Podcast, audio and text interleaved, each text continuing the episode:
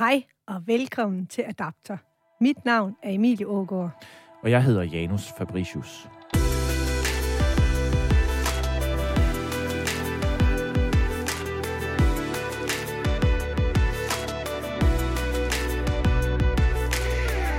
I dag der skal det handle om den teknologi, som lige om lidt kan komme til at have noget med dig, mig, ja faktisk os alle sammen at gøre.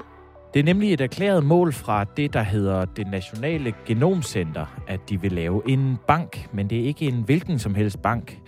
Fordi øh, det er ikke sådan en, hvor man kan få et huslån eller få kassekredit. Nej, det er en bank, der er fyldt med DNA fra alle os danskere. Allerede i dag, der kan du faktisk vælge at få dit genom, altså opskriften på dig, lavret eller herret i den her bank. Men kun hvis du bliver syg med nogle bestemte sygdomme. Men i fremtiden, der får flere mennesker det her tilbud øh, om at få læst og analyseret deres DNA i Genomcenteret. Der er jo en hel masse etiske dilemmaer ved det her, og ikke mindst øh, sikkerhedsmæssige udfordringer ved øh, den her bank. Men samtidig så øh, kan det også være med til at redde nogle liv, og endda liv, der er blevet ramt af kræft og andre dødelige sygdomme, som vi kender. Vi vil prøve at se, om vi kan finde hoved og hale i det her center, og forsøge at finde ud af, om det, de har gang i derinde, det er en god eller en dårlig idé. Inden vi går ombord i dagens program, så vil jeg lige henlede din opmærksomhed, Janus, på at øh, festugen starter i morgen. Når du hører det her, kære lytter, ja, så er den faktisk allerede godt i gang. Men lige nu, da jeg gik ned igennem byen, der var der øh, ved at blive bygget scener og telte over det hele. Også på Klostertorv var de i fuld gang. Ja, lige præcis den scene, som du snakker om der, den er øh, særligt spændende, især for os, og forhåbentlig også for jer lyttere. For på fredag den 3. september kl. 14.00, der er det vores tur til at stå for underholdningen, kan man vel sige, det er klog underholdning, når vi laver det her program Adapter. Vi gør det live. Her tager vi snakken om, hvorvidt medierne skal have penge ud af tech-giganter som Facebook og Google for det journalistik, de artikler, de links, de lægger ud på de her platforme. Og vi håber, at du kan komme. Vi har besøg af Googles politiske chef, Christine Sørensen, Danske Mediers formand, Jesper Rosner, og til at gøre os alle sammen lidt klogere, chefredaktøren for Computer World, han hedder Lars Jakobsen. Velkommen til Adapter. Ja, men det her program, Emilie, mm. normalt så vil vi have en gæst med, som er rigtig god til at fortælle os og lytterne om, hvad der er op og ned i det emne, som vi nu har valgt for ugen. Og i dag, der har vi så valgt, at det er bare dig og mig her i studiet. Det har vi selvfølgelig ikke gjort, fordi vi er luddogne. Nærmest tværtimod. Hvorfor er det, vi ikke har en øh, gæst med i dag? Da vi blev enige om, om emnet til øh, det her program, så gik jeg jo i gang, som jeg plejer, at ringe rundt til nogle af de ypperligste eksperter og dygtigste mennesker inden for området, for selv at finde ud af, hvem var den rigtige, og hvem var den, vi skulle tale med. Jeg fik fat i nogle læger, jeg fik fat i Rigshospitalet, Genomcenteret. Ja, jeg talte endda med en mand, som faktisk øh, har fået læst sine gener på det her center, og, og som er levende i dag på grund af det. Det, der i journalistsprog hedder en case. En case, ja. Og ved du hvad? Det var alt sammen helt vildt spændende, men det var ikke til at vælge mellem dem. Så i stedet for at have en side af den her sag, så vil vi prøve øh, ved hjælp af de mennesker, jeg har talt med, og det, jeg har lært, og, øh, og komme hele vejen rundt, bare os to. Mm-hmm. Og så ved du jo også sådan helt, øh, uden at have talt med nogle af de her mennesker, en del om medicin, ikke? Jo, altså når det handler om gener og genomer osv., så, videre, så er det jo et af mine helt store interesseområder. Mm. Jeg har læst uh, molekylær medicin i sin tid, og øh, jeg har ikke stoppet efter det med at følge med. Mm. Så, øh, så, så jeg, tænker også, at, at jeg, øh, jeg forhåbentlig selv kan guide lidt på vej. Så du er en slags ekspert i dag, og jeg vil så til gengæld prøve at udfordre dig på nogle af de her punkter, hvor jeg tænker, at det er knap så smart med sådan et øh, nationalt genomcenter eller en danskerbank, hvor vi har alles DNA liggende, og vi har allerede været op og toppes et par gange i den her uge, når vi har snakket om det, og så ligesom lagt låg på, fordi vi skulle være klar til, når øh, vi trykkede optag. Ikke? Men først, hvad er det helt præcis som Nationalt Genomcenter, øh, som det jo hedder? Hvad er det, de laver derinde? Det øh, er et projekt, der startede for et par år siden, hvor man ligesom indså, at øh, der det her med generne, det kommer ikke til at forsvinde. De øh, kommer, fylder mere og mere i sundhedsvæsenet, øh, hvor, øh, hvordan man kan analysere dem, og hvad, hvilke sygdomme de kan bruges til, og, øh, og så videre og så videre.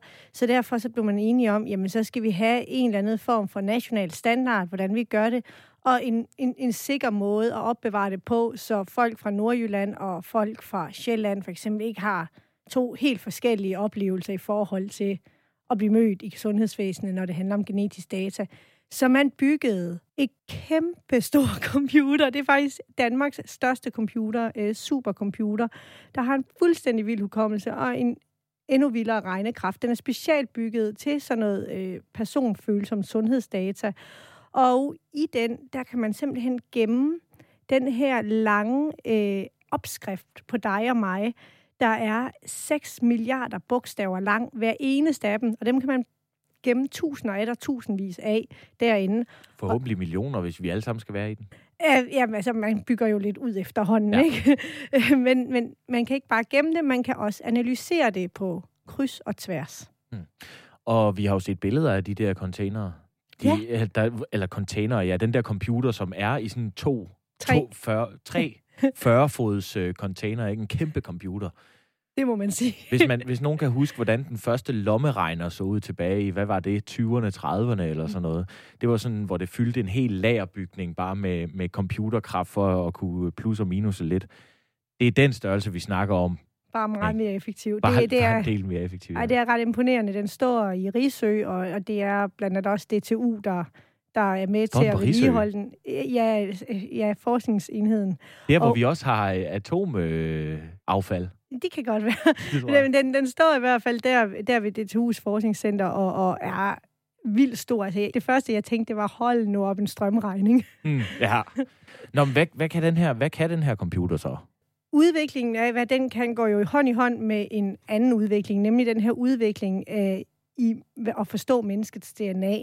Det er jo helt sindssygt, at det jo ikke er mere end et, et halvt århundrede siden, at vi sådan faktisk øh, erkendte, at øh, det var de her baser inde i cellekernen, der er opskriften på os. Det er øh, dem, som vi talte om i programmet, om, hvor jeg fik en ny onkel. Ja. Øh, det er de her øh, lange sekvenser af bogstaver, som, som faktisk øh, beskriver en stor del af, hvordan vi bliver. De her øh, bogstaver, dem, man sekventerede det første menneske, hvor man så hele den her milliard lange base-række. Mm. Det, det gjorde man øh, første gang for øh, et par årtier siden, og øh, siden har man, er det så bare gået hurtigere og hurtigere. Og endnu vigtigere, så begynder man at forstå, hvad det betyder.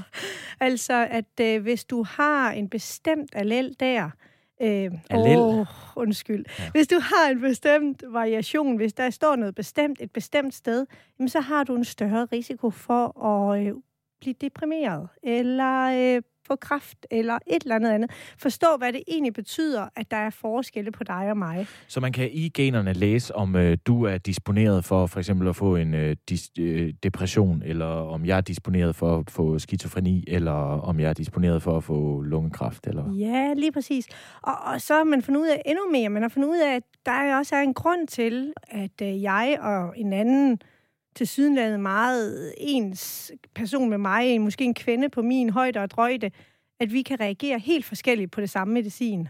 Og det er jo en af de ting, vi også skal snakke om i dag, det er det der personlige medicin. Præcis. At der, der kan være forskel på os, og det kan man også øh, i flere og flere tilfælde se i generne, hvordan vi reagerer på det her medicin. Sammenlagt med det, og så med, at man kan læse de her gener, så åbner det jo simpelthen for, at vi lige får læst vores gener inden vi tager noget medicin for at finde ud af, hvad for noget, der passer bedst til os. Mm.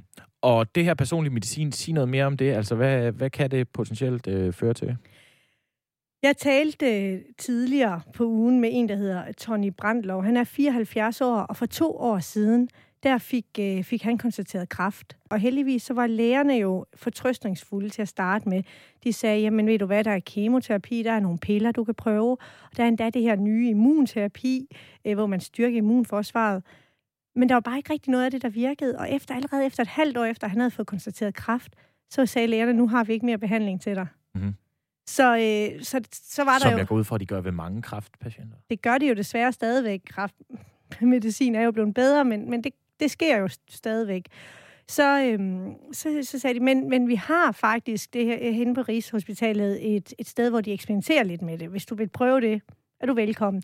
Det ville han så gerne. Det vil man jo gerne tit, hvis man ikke har andre alternativer.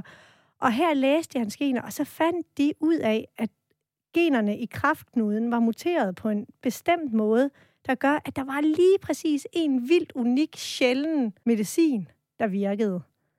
Og den har Tony så fået, og nu er hans kraft mere end halveret, og han har samme, han siger selv, at han har de kræfter, han havde, før han blev syg. Så han er selvfølgelig rigtig glad og lettet over, at, øh, at det her findes. Ja, vi så jo, vi fandt ud af, hvem Tony var der øh, igennem øh, National Genom Centers egen YouTube-kanal, hvor de har lavet en video om ham. Er han et særtilfælde på, hvor godt det kan blive med det her øh, personlige medicin, eller er det sådan noget, vi bare kan rulle ud, og så bliver alt godt? Mm. Jeg er glad for, at du spørger, fordi det, det er jo øh, det er i hvert fald det indtryk, jeg får, efter som jeg har snakket med forskellige folk, det er, at øh, der er tilfælde, hvor det spiller så smukt og flot som Tonys. Men det, det er sjældenheden, at det sker nu. Rigtig meget af det, vi taler om, det er potentialer. Det er, at vi skal have bygget det her op, for at kunne få det her nye medicin. Øh, nu var der for eksempel en nyhed øh, i sidste uge om, at de har fundet ud af, øh, at der er et gen, der tit øh, ligger bag alvorlige bivirkninger ved hjertemedicin, hvis man skal have blodtrykssænkende medicin. Og blodtrykssænkende medicin, det er altså noget, rigtig mange mennesker får. Mm. Så det er jo rigtig spændende, hvis man kunne finde ud af, hvem får alvorlige bivirkninger, og hvem gør ikke. Men øh, da jeg så talte med forskerne bag, så viser det sig, at den øh, genetiske variation, de har fundet, den kun forklarer en lille del af det. Så de skal stadig finde 10, 20, 30 andre genetiske variationer, før de for alvor kan bruge det her til at sige til en patient, du skal ikke have det medicin, og du skal. Så altså, du kan godt se, man kan godt se, det kommer nok til at kunne lade sig gøre på et tidspunkt, men vi skal stadig lære rigtig meget om generne, inden vi kan gøre det på mange områder. Og for at vende tilbage til det her nationalt øh, genomcenter, ikke? Jeg ved ikke om det, vi snakkede om, det er jo ikke et erklæret mål, at de vil have alle danskere i den her bank. Det er ikke sådan, de gerne vil det. Det er noget, som der er 12 forskellige patientgrupper, der bliver tilbudt. Som det er nu? Ja, som det er nu, ja. Man øhm, ved ikke, hvad det langsigtede mål er endnu, vel? Øhm, altså, lige nu er, har de fået penge til at undersøge de her 12 mm. patientgrupper, og så tror jeg, altså jeg, jeg tænker, at der er ikke meget tvivl om, at, at øh, den gruppe af patienter vil blive udvidet og udvidet personligt, så øh, da, har jeg jo talt med direktøren derindefra, og hun øh, gjorde sig i hvert fald ikke fortaler for, at man lige skulle øh, tage en øh, genetisk analyse af alle børn, når de blev født, eller hvad ved jeg. Nej, det er jo øh, sjovt, du siger det, fordi at, øh, vi har jo et klip med hende, hvor hun faktisk selv siger, at hun ikke vil øh, blive en del af National Genomcenter. Direktøren for National Genomcenter siger, at hun vil faktisk ikke blive en del af National Genomcenter, medmindre hun blev alvorligt syg. Er det ikke rigtigt? Jo, det er fuldstændig rigtigt. Skal vi lige høre det klip så? Jamen lad os prøve. Der er selvfølgelig er der etiske dilemmaer i det her. Det er også derfor, der har været så meget debat omkring øh, etablering af det nationale genomcenter og etablering af en, en, en uh, genomdatabase. Man kan sige, det positive ved det her, det er, at vi får en sikker opbevaring af data, og at patienterne selv har en selvbestemmelse over, hvad deres data kan bruges til. Så man kan sige, det, det er sådan set det stærke i det. Øh, og, og hvis du spørger mig i dag, og jeg har også tænkt rigtig meget over det, vil jeg så øh, som borger, som ikke er syg, i hvert fald ikke ved, at jeg er syg, hvis jeg skulle være det, øh, vil jeg gå ud og få lavet en genomsekventering? Og svaret er, tror jeg på nuværende tidspunkt, nej, jeg har ikke fået det lavet. Så, øh, så det har jeg ikke. Øh, hvis jeg var patient og pludselig skræntede og var syg, øh, eller blev skulle undersøges for for eksempel, om, om jeg havde kræft, så tror jeg, jeg vil sige ja øh, med det samme, fordi jeg vil selvfølgelig gerne have den bedst mulige behandling, der er tilgængelig i Danmark. Det her, det var øh, Bettina Lundgren, der er direktør i det Nationale Genomcenter. Hun vil ikke selv have lavet en. Hun siger egentlig bare, at hun vil have det, hvis hun bliver tilbudt det sådan, som det ser ud nu. Altså, at man bliver tilbudt det, hvis man er syg, og det er relevant for en. Hun vil ikke have det bare for at få det. Fordi at hun er åbenbart, altså, hun har valgt at sige, der er så mange etiske ting og ja, etiske dilemmaer omkring, hvilken sygdom man for eksempel vil have viden, man er disponeret for, osv. osv. Og det synes hun egentlig ikke, at hun har brug for. Mm. Og der er nogle alarmklokker, der bimler og bamler, når jeg, når jeg hører om det nationale genomcenter, ikke? På sigt, der kan vi alle sammen få taget en øh, DNA-prøve og øh, blive lagt ind i det her nationale genomcenter. Lad os sige, at ligesom med CPR-numrene, ligesom med alle de andre ting, som vi ser bliver lækket på internettet, at det bliver hacket, det her genomcenter, ikke? så har vi jo kun et genom, og øh, det ligger så på internettet for evigt. Det er ikke sådan, vi kan gå ind og ændre i det. Det er jo vor, for, for fanden vores DNA, ikke? Det kan vi ikke bare øh, ændre i. Så, vi, så, så ligger vi alle sammen på øh, the interwebs for evigt, ikke? Og øh, jeg vil ikke til en jobsamtale, hvis min arbejdsgiver vidste, at jeg var øh, for eksempel, han kunne se frem til, at jeg blev nødt til at tage et år på et tidspunkt, fordi jeg fik en depression. Eller han ville, ikke, han ville nok heller ikke tage mig ind, hvis han vidste, at jeg havde nogle, øh, nogle andre psykiske problemer. Jeg kunne få skizofreni om et par år eller et eller andet. Altså, så ville han nok ikke øh, tage mig, hvis han vidste den slags. Nej, og, og lige præcis med psykiske sygdomme, så er det jo virkelig viser de seneste år, hvor meget genetikken den øh, spiller en rolle for dem. Mm. Så altså, du har helt sikkert ret i, at det her, det er super sårbare informationer, de har med at gøre, og, og de ligger der, og nej, vores genom, det er vi født med og har en gang, så, så det har du helt ret i. Der er virkelig noget at tænke over der. Når man står, som Tony jeg fortalte om tidligere, og er syg, og det her, det er det alternativ, man har for at finde noget, så tror jeg, det er meget, meget, meget svært at finde et menneske, der ikke vil sige, det skal vi prøve. Derfra gå til, at vi alle sammen øh, skal have vores gener liggende der, der er også et stykke vej, øh, mm og, og, og en, en meget væsentlig diskussion om, hvornår nogen skal have deres gener liggende der. Udover at lægerne jo bruger det her genetiske materiale til at finde noget personmedicin til netop dig, så bruger de det jo også den anden vej rundt, nemlig til at hente en masse information øh, om os alle sammen for at finde ny medicin, der er bedre til nogle grupper end andre. Lad os sige, at øh, din, din genetik, den ligger derinde, og du har taget rigtig, rigtig godt imod et eller andet medicin. Når så, at øh, min kommer derind, og det viser sig, at vi øh, er ens genetisk på nogle afgørende områder i forhold til den her sygdom, jamen så ville argumentet nok lyde, at det medicin, som var godt for dig, også kunne være godt for mig. Det, det er jo et eksempel på, hvorfor at man øh, kunne kan bruge dit information til at hjælpe mig, men samtidig så er der jo også den risiko, når dit information ligger derinde, at de forkerte får det. Mm-hmm. Ja, men øh, altså, det er jo den handel, vi laver. Øh, handlen er, øh, du kan få, vi kan lave bedre medicin, forskning kan få lov til at, og de slikker sig over om læberne, sådan nogle øh, forskere, hvis de kunne få lov til at rode i en genbank, hvor at øh, alle danskernes øh, gener lå i, og virkelig have det sjovt med det, ikke? Og øh, det kunne der sikkert også komme en masse god medicin ud af. Hvem ved? Det ved vi ikke. Det er potentialer igen. Den pris, vi betaler, det er jo så, at øh, alle, i hvert fald der har adgang til den her, og øh, kriminelle, der måske øh, tvinger sig adgang til det her, øh, de ved, hvordan vores øh, gener ser ud. Ja. Er det ikke handlen, eller hvad? I hvert fald dem, der får adgang til den, og jo bedre de lærer at forstå den, så har du jo til en vis grad ret. Øh, det, jeg synes, der øh, var rigtig spændende, som Bettina hun sagde, det var, at de havde jo været ude og spørge i befolkningen, hvor mange der egentlig synes, synes det her det var en god idé, og hvor mange der var interesseret i sådan en genombank. Og der var et overvældende flertal. 75 procent af befolkningen, de synes sådan set, at øh, man gerne må have deres fulde genom liggende, så man kan lave forskning på det. Og endnu flere, jeg mener, det var 84 procent, de synes, at det er okay, mm. hvis det er, at det er for ens egen personlige medicinsk skyld. Så derfor kan det jo være svært lidt at finde kritikere, men jeg ved, at du har talt med en i den her uge. Ja, jeg har talt med Anders Kjærhul, som jo er øh, journalist. Han var øh, tidligere Radio 24 på det program, der hedder Aflyttet. Han er tech-kritiker, tror jeg, han kalder sig selv. Og jeg spurgte ham netop til det der, og han siger, ja, vi danskere har generelt en stor tiltro til den danske stat, som jo er dem, der i hvert fald indtil videre ligger inde med de der øh, ting.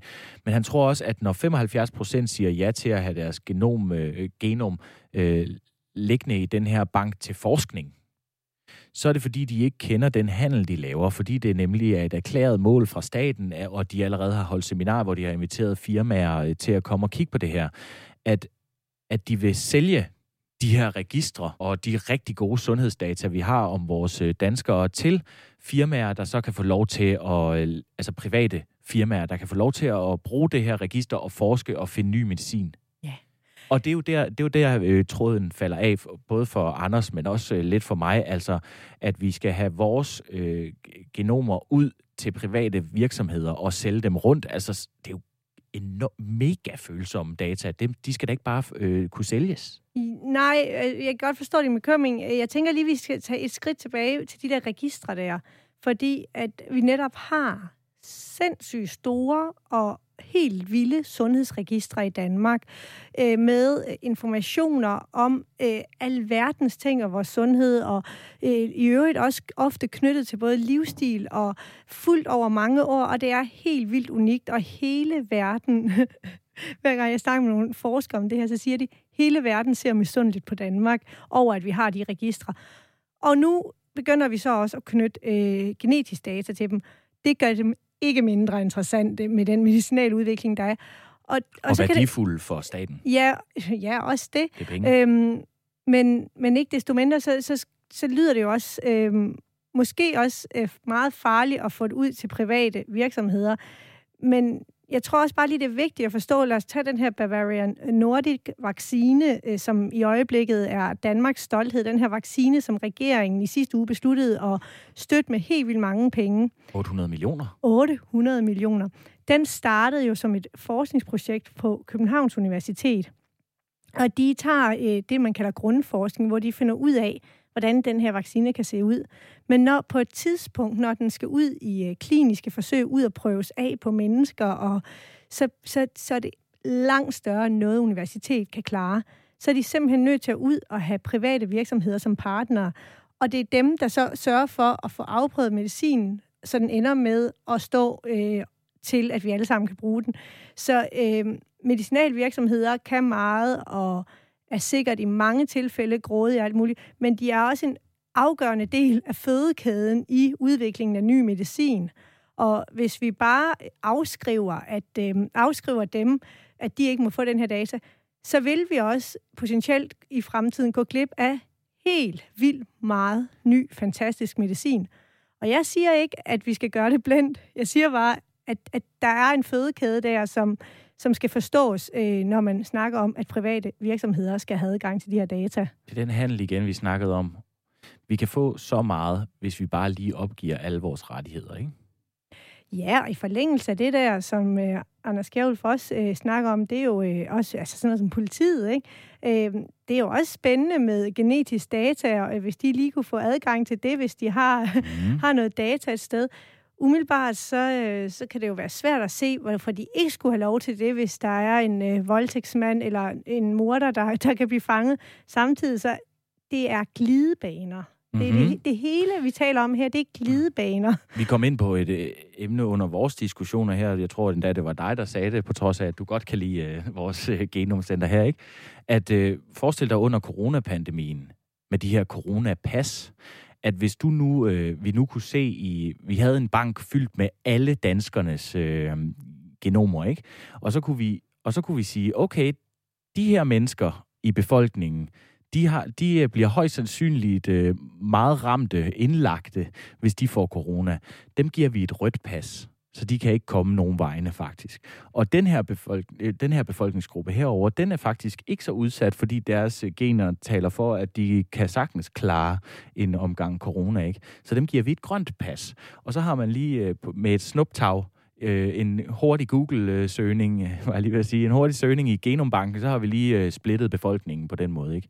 Det er jo virkelig dystopisk snak, ikke? Ja, men det er ikke usandsynligt. Altså, det, det, der er jeg, så langt er jeg med jer, at står man og kan sige, at man kan for eksempel holde samfundet langt mere åbent, end det har været, ved at lave sådan en træk, så tror jeg altså, at der, så vi, kunne der godt, altså så kunne jeg sagtens se det ske. Mm. Og det synes jeg er hundeskræmmende. Yeah. Og, og, og netop det der med, at øhm, altså grunden til, at jeg synes, at det er spændende også at, at få snakket det her igennem, det er fordi, vi skal, vi skal tænke over, hvad vi siger ja til. Når man for eksempel bliver øh, spurgt lige nu igen, er det meget få grupper i sundhedsvæsenet, der, der bliver spurgt om, om de vil have den her gentest. Men når man bliver spurgt om den, så bliver man faktisk spurgt, øh, hvad det her det må bruges til. Må det bruges til forskning? Må det kun bruges nu? og så videre og så videre. Og jeg tror bare, det, det er vigtigt at tænke over, hvad man, øh, hvad man kan øh, risikere, mm. øh, øh, eller hvad man egentlig har lyst til at være med til. Man bliver også spurgt om, om en anden væsentlig ting, nemlig om man har lyst til at få sekundære øh, viden at vide. Altså hvis nu du bliver undersøgt genetisk, fordi at, øh, lad os sige, at øh, du... Øh, du har en, øh, en søster med en genetisk sygdom, og vi skal finde ud af, om du også har den det er jo en af de her grupper, jamen så, øhm, så bliver man også, øh, men, men så under øh, undersøgelsen, så opdager de, at du har et øh, gen, der øger risikoen for at få kræft rigtig mange gange. Der findes nogle mm. få gener, der virkelig, altså, de gør det meget sandsynligt, at du får kræft, hvis du ikke gør noget ved det. Ja. Vil du så have det at vide eller ej? Det kan du simpelthen sige ja eller nej til. Og sådan nogle altså det skal man jo tænke sig godt om. Det etiske dilemmaer. Ja. Og dem snakkede jeg også med Anders Kjærhul fra, og jeg tror også, lytterne har brug for at høre en anden stemme end vores. Så skal vi ikke lige prøve at spille det klip med ham? Et genom siger jo relativt meget om en. Øh, det siger ikke mindst noget om ens familiære relationer, og det siger ikke mindst noget om, hvordan man er connectet sammen med andre mennesker. Øh, skal man for eksempel, hvis man øh, finder ud af det her, at ens far er måske ikke ens rigtige far, eller ens mor er ikke ens rigtige mor, skal man fortælle folk det? hvis det viser sig, at der er en, en stærk genmarkør for, at du får nogle bestemte sygdomme, at du øh, har tendens til alkoholisme, at du øh, har andre alvorlige arvelige sygdomme i familien, som du måske ikke ved noget om i forvejen, har man så pligt til at fortælle folk det? Eller er det bare noget, man skal sidde på, den her viden? Det i sig selv er et enormt stort etisk problem, som vi ikke har fået diskuteret færdigt i de her sammenhæng, synes jeg. Altså sådan en dystopisk fremtid kunne vi godt se, at de her øh, gener kunne blive brugt til for eksempel at vurdere, om folk er egnet til at arbejde med det ene eller det andet, ud fra om de har en aflig øh, psykisk sygdom eller noget i den stil? Altså, det er meget, meget sandsynligt, at man vil bruge de her data til alt det, man kan komme afsted med. Og hvis det skulle falde i hænderne på forsikringsselskaber for eksempel, så er det klart, at man vil bruge det til at vurdere folk med, om de er gode eller dårlige liv. Øh, ulykken ved alt det her, det er igen, at selve alt det her øh, genom og genetik, haløjser, er også noget, hvor der er utrolig meget fremtidsmusik i. Det påstås for eksempel, at man ud fra et genom kan se, hvor intelligente folk er, og hvad deres, om man så sammen, sammenhæng kan se, hvad deres uddannelsespotentiale er. Kunne man forestille sig, at en øh, skole for eksempel, eller at, at man simpelthen ville sige på starten, at du skal ikke i gymnasiet, fordi du er simpelthen ikke kvik nok, du kommer aldrig til at blive kvik nok. Der er ikke nogen grund til at spille en universitetsuddannelse på dig. Det, som det her i hvert fald over alle omstændigheder vil ende med at blive brugt til, det er endnu en, en skrue i den her øh, såkaldte effektivitetsmaskine, som digitalisering er, hvor man hele tiden prøver på at skære det overflødigt væk og undgå, at man spilder penge på noget, og det foregår altså på nuværende tidspunkt på et efter min mening ret tyndt grundlag. Ja, altså øh, en skrue i effektiviseringsmaskinen, kalder han det her, altså hvor at man for eksempel kan bruge øh, øh, gen øh, DNA-sekventering til at finde ud af, hvor kloge børnene er, og så sige, du er egnet til at komme i gymnasiet, du skal vist være tømmer, du skal vist være mekaniker, du skal vist være softwareingeniør, ikke? Altså, øh, fuldstændig øh, sådan latterlig dystopisk fremtid, hvor vi alle sammen bare bliver øh, øh, delt ind i grupper efter vores gener, ikke? Jeg ved godt, det er sikkert sådan øh, det, det værste af alle scenarier, men stadig, hvis vi bare kommer halvvejs derhen, så er det mega ulækkert op i min, min hjerne i hvert fald. Ja, det, det tror jeg. jeg. Jeg har svært ved at forestille mig, at øh, der er nogen, som ikke synes det. Og derfor synes jeg også, altså, at, at det, det er ikke en fremtid, sådan, som jeg har lyst til heller. Men, men derfor så synes jeg også, at, at, at vi er nødt til også at lige snakke om, at der er meget langt fra det, vi snakker om nu, og så til det der. Men, men altså, øh, ja. Men der er også meget langt fra det, vi, snak, det, vi kan se i dag, som det her øh, kan bruges til, og så til den fremtid, hvor at, at vi kan kurere kraft. Altså, det er der. Øh, ja, og så alligevel, så var Tony jo Jamen, kureret. Det er det, det, det Anders øh, Kjærulf kalder fremtidsmusik, det du skal til at sige nu. Ja, men, men altså, der, der, der, de nye, hvis du ser på de nyeste kraftkurer, der, der er opstået, så bliver de mere og mere specifikke. Det er jo sådan, at hvis du har nyrekræft, så, så har du faktisk en fuldstændig unik sygdom. Andre, der har nyrekræft, de har deres egen kræftsygdom. Det er nogle forskellige gener, der er muteret ved, forskellige, øh, ved forskellige mennesker. Og hvis vi vil knække cancerkoden, så er øh, det her med gener en lang, øh, langt hen ad vejen en del af det. Om vi kan bygge systemet op på en anden måde, om vi behøves at gemme øh, hele genomdataen for dig og mig Præcis. i al evig fremtid, Det synes jeg jo er en relevant debat, som, som vi måske øh, bør tage. Ja, men jeg kan også forestille mig nogle politikere, som, som sidder med den her knap, ikke, hvor de tænker, vi kan fandme lige skære øh, en milliard, to milliarder på det offentlige budget, hvis vi bare lige trykker på øh, gen, genknappen, ikke, og så siger, øh, vi kan spare en hel masse penge, hvis vi ikke spilder øh, universitetsuddannelser på folk, der alligevel ikke er særlig kloge. Hm. Øh, nå, men altså, øh, du vil gerne tage den her debat, og jeg, jeg er også virkelig interesseret i det her spørgsmål. Øh, er det virkelig nødvendigt, at vi har en bank med alle danskernes øh, gener i. Hvorfor ikke bare lave de her DNA-sekvenser på øh, sekventeringer på folk, der kommer ind og har en eller anden alvorlig sygdom, tjek dem med en DNA-sekventering, og så smide de personlige, meget følsomme sundhedsdata ud, når vi er færdige med at reparere dem. Det er jo det, vi betaler vores øh, skat til. Jeg har vendt og drejet det spørgsmål der, fordi jeg, jeg kan faktisk godt følge lidt hen ad vejen, at det er rigtig meget af det, som vi her og nu øh, kunne få ud, øh, kan få ud af det her, det kunne vi gøre på den der måde. Når man gemmer dataerne, så er det altså sådan lidt ligesom, når man bliver vaccineret, selvom man ikke er i risikogruppe. Fordi det, er, øh, det handler om, at forskerne faktisk kan komme videre med at lave bedre medicin ved hjælp af de her ting. Det handler om, at hvis vi ved, hvad for noget medicin, der, medicin, der virkede på dig, fordi du havde de her genforskelle, så kan vi regne ud, hvad der kan virke på nogen andre.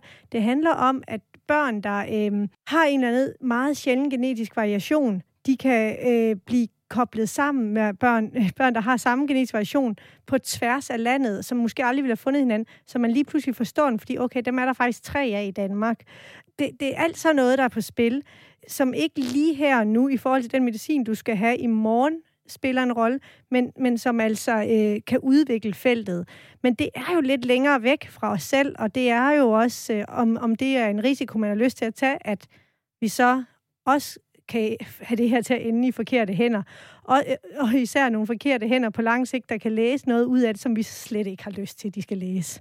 Ja, men tror du, at den, de her øh, tre container er fyldt med den her supercomputer, hvor vi alle sammen ligger i om nogle år, tror du, den er sikker, eller hvad? Det er jo det ledende spørgsmål. Det er den jo. Selvfølgelig siger de, at den er sikker nu, men det er den jo overhovedet ikke. Altså alt, der kan, alt, øh, der har forstand på noget som helst, der har med hacking at gøre, de siger jo altid, kan det hackes, så bliver det hacket. Ja. Yeah. Lige meget hvad du gør, så vil der nogen, der finder vej ind. Om det så er noget med social konstruktion, hvor du snyder en eller anden medarbejder inde på det nationale genomcenter, eller om det er via hård brute force kode, eller whatever. De kommer ind på en eller anden måde. Der er en medarbejder, der kommer til at sende dem til nogen, ligesom vi ser med CPR-koderne, øh, CPR-numrene, hvor de sender en boks fyldt med CD'er, fyldt med danske CPR-numre til Kina. Sådan noget kommer til at ske. Ja, og, og det er på tide, at vi, øh, vi, vi tager en væsentlig diskussion om, hvor meget af vores øh, personlige øh, genetik, vi har lyst til at have liggende derude, potentielt have liggende åbent derude i det her personlige medicin og genetiks øh, navn. Det, det er jeg fuldstændig enig med dig i. Mm. Jeg håber virkelig, at lytterne de har fattet, hvad vi har snakket om i det her, øh, det her nummer af Adapter. Jeg synes, det er en af de bedste programmer, vi har lavet indtil videre, fordi der er så mange dystopiske øh, scenarier i det her, og det kan blive rigtig godt, men hvad, hvilken pris betaler vi og sådan nogle ting? Jeg synes virkelig, det er, det er interessant, også fordi, at Ja, altså, jeg vil jo selvfølgelig gerne have, at vi alle sammen bliver reddet, øh, og vi knækker øh, cancerkoden, var det det, du sagde? Men samtidig så ved jeg ikke, hvor meget af min øh, DNA, jeg har lyst til at give til folk, der giver dem til kineserne. Ja, hvis du, øh, kære lytter, også synes, at det her det var interessant, eller hvis du synes, det var fuldstændig uforståeligt, så skriv til os på adapter jfmedia.dk eller ind i vores øh, Facebook-gruppe Adapter Podcast og giv os dine ris og ros, så bliver vi lidt klogere på, hvad I egentlig synes. Og derudover, så kan du altså også læse mere om, øh, om, om det her emne i Avisen Danmark, hvor jeg har skrevet øh, en artikel, og hvor vi også går lidt mere ind i Tonys historie. Mm. Det, øh, den kan du læse i øh, Avisen Danmark, eller du kan tilmelde dig nyhedsbrevet Dagens Danmark på øh, Avisen Danmarks hjemmeside. Det er et nyhedsbrev, hvor du får fire øh, aktuelle og spændende historier hver dag i din post-mailkasse, hedder det. Lige nøjagtigt. Tak for den her gang. Vi ses på Klostertorv.